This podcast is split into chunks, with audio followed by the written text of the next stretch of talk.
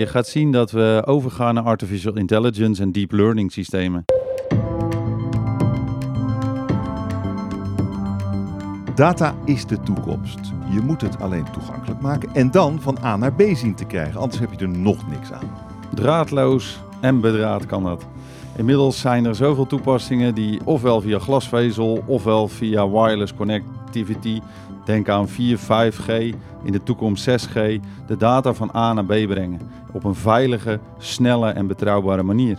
Gerard, geef een paar voorbeelden. Nou, als je bijvoorbeeld een eh, pomp hebt van een gemaal in een weiland, hè, dan weet je dat daar geen eh, glasvezel eh, naartoe gaat. Dus je zal eh, de verbinding, hè, de ontsluiting van de data op een andere manier moeten oplossen. Nou, daar eh, kan je bijvoorbeeld eh, gebruik maken van de nieuwe 5G-technologie om eh, hele grote hoeveelheden data op een veilige manier, draadloos, eh, uit die pomp te halen en eh, te brengen naar je, naar je platform. Is dit, een, is, is dit wat we heel vaak doen of is dit wel state of the art? Als je kijkt naar de 5G-technologie, die is hartstikke nieuw. Die wordt op Ja. dit moment uitgerold. Hè. Dat is Maar heb je state of 5G the art. nodig om een, om een, simpel signaaltje... Als het om een heel simpel signaaltje gaat, hè, dan kan je dat ook met, eh, met 4G eh, doen of eh, andere draadloze technologieën. Maar wat wij willen, hè, dat is zoveel mogelijk data ophalen uit, uit zo'n pomp. Dus dan heb je dan 5G wordt- nodig. En dan eigenlijk. wordt het wel belangrijk om met bandbreedtes te werken. En dan kom je bij 5G eh, uit. Geef, eens, geef daar eens een voorbeeld. Voor wat voor soort datatransport heb je 5G nodig? Eh, als je kijkt naar eh, 5G, hè, dan gaat het om eh, grote bandbreedtes, om, om grote hoeveelheden data. Dus je kan het bijvoorbeeld eh, gebruiken om eh, alle data real-time eh, uit een gebouw eh, te halen. En waarom is real-time zo, Ja. eh, zo interessant? Eh, met real-time data kan je ingrijpen op het moment dat iets verkeerd gaat. Voorbeeld. Eh, bijvoorbeeld eh, als er een, ehm, een koelmachine eh, stuk gaat, dan zie je dat eh, direct hè, en kan je direct ingrijpen door op afstand eh, onderhoud eh, te doen of eh servicemonteur er naartoe te sturen en eh, in te grijpen.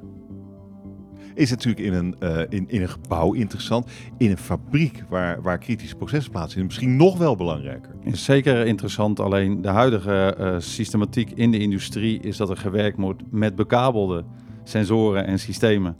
Wat je nu ziet gebeuren, en dat wordt de toekomst, is dat we steeds meer losse sensoren zullen gaan uitrollen. Die verbonden worden met een, eh, private, eh, een private netwerk, wat over de campus of over het industrieterrein ligt, wat beveiligd is, waardoor data op een hele eenvoudige manier uit de bestaande processen gehaald kan worden en additioneel kan worden geanalyseerd. En dat zorgt weer voor een verduurzaming in het productieproces. Je krijgt namelijk gewoon simpelweg veel meer data. Op het moment dat het gebeurt. Je ziet je machine kapot gaan. Je, je ziet, Eigenlijk, je ziet nou ja, het je wil, je wilt, je voortraject wilt al voorkomen. eigenlijk. Je wil Ja, voorkomen dat- dat, de machine uitvalt. en daarom zul je dus veel meer data moeten meten. Om te voorkomen dat, dat je de stroom, de spanning, dat je dat allemaal ziet. Om te voorkomen dat die uitvalt. Maar hoeveel groei zit daar nog in? Er zit een gigantische groei. Echt een Jij wil echt overal nog even een sensortje op. Nou, niet overal een sensor. De, de, de huidige componenten die wij eh, vanuit beheer en onderhoud in de, in de processen eruit halen, worden voorzien van nieuwe eh, eh, installatie, nieuwe pompen, nieuwe kleppen, eh, nieuwe, nieuwe equipment. En deze equipment en deze, deze nieuwe zaken zijn allemaal voorzien van digitalisering. Waar vroeger, vroeger praten we 10, 15 jaar geleden, de systemen nog veel meer naast de plant zaten, verschuift de informatica en verschuift het, het intelligente brein naar de componenten in het veld zelf.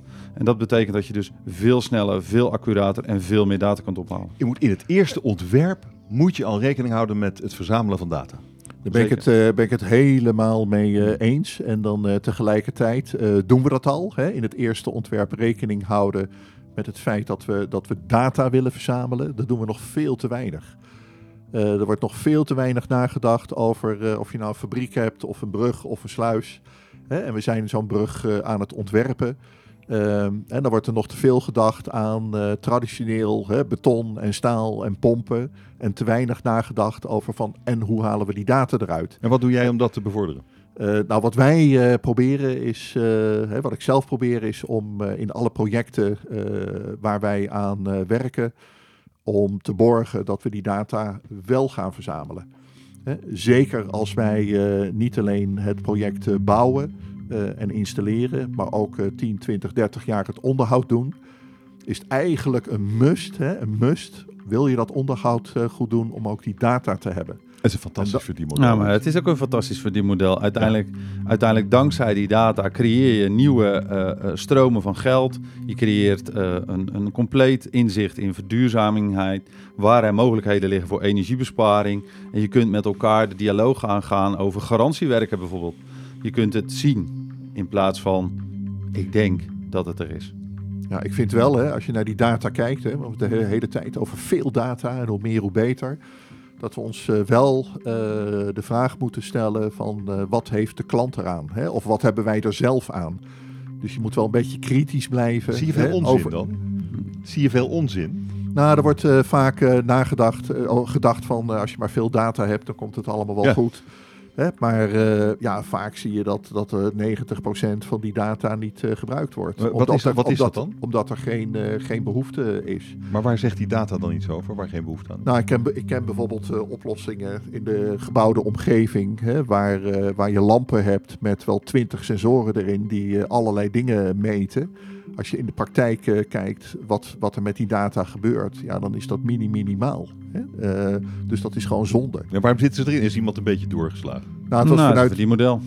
Dat is een verdienmodel. is ook een Nou, dat is een verdienmodel. verdienmodel. hoe, gaat dit, eh, hoe gaat dit verder, jongens? Nou, dit gaat op eh, verschillende manieren verder, maar je gaat zien dat we overgaan naar artificial intelligence en deep learning systemen. En dat betekent dat eh, op basis van de ontvangen data en alle data die je uit de systemen haalt, worden steeds meer algoritmes gemaakt. En die algoritmes worden slimmer. En als je dat algoritme leert met slimme data waar we het net over hadden, maar niet met data die onbegrijpbaar is, maar gewoon met echte goede data, dan wordt het algoritme slimmer. En op basis van het algoritme kun je dan steeds meer voorspellend onderhoud, voorspellende beeldvorming doen. Je kunt veel meer de interactie met de klant in een adviserende rol vanuit ons eh, gaan brengen. Ja, die, ik, ik, sluit, ik, haak eventjes aan, hè, want ik ben het er helemaal mee eh, eens. Eh, iets concreter. Kijk, eh, als je data uit een gebouw haalt, hè, dan zijn we nu al in staat om te zorgen voor mooie inzichten, mooie tabellen en eh, grafieken. We zijn in staat om de klant te adviseren. Eh, gaat er gebeuren wat, wat Jacco net, net zei, hè, dan zal dat steeds meer geautomatiseerd gebeuren. Hè? Dus geautomatiseerde analyses, geautomatiseerde inzichten en nog mooier. De computer zal ook in staat zijn om eh, terug te regelen. Dus eh, de computer analyseert iets op basis van data. En de computer regelt ook terug naar de gebouw of eh, de brug of, wat dan ook. om bepaalde instellingen te veranderen. Waardoor het energieverbruik volledig geautomatiseerd verder naar beneden gaat. Of de beschikbaarheid toeneemt. Dus dat analyseren en dat terugregelen, dat zijn de twee eh, volgende stappen. Fixt gewoon het probleem even. Fixt gewoon vol automatisch, zonder dat er een servicemonteur in zijn busje naar dat kantoor of naar die brug moet. is een computer. Fixt, fixt het probleem. Ja. Vond je dit interessant? Fijn. We hebben nog meer korte podcasts over digitalisering om je kennis te verdiepen.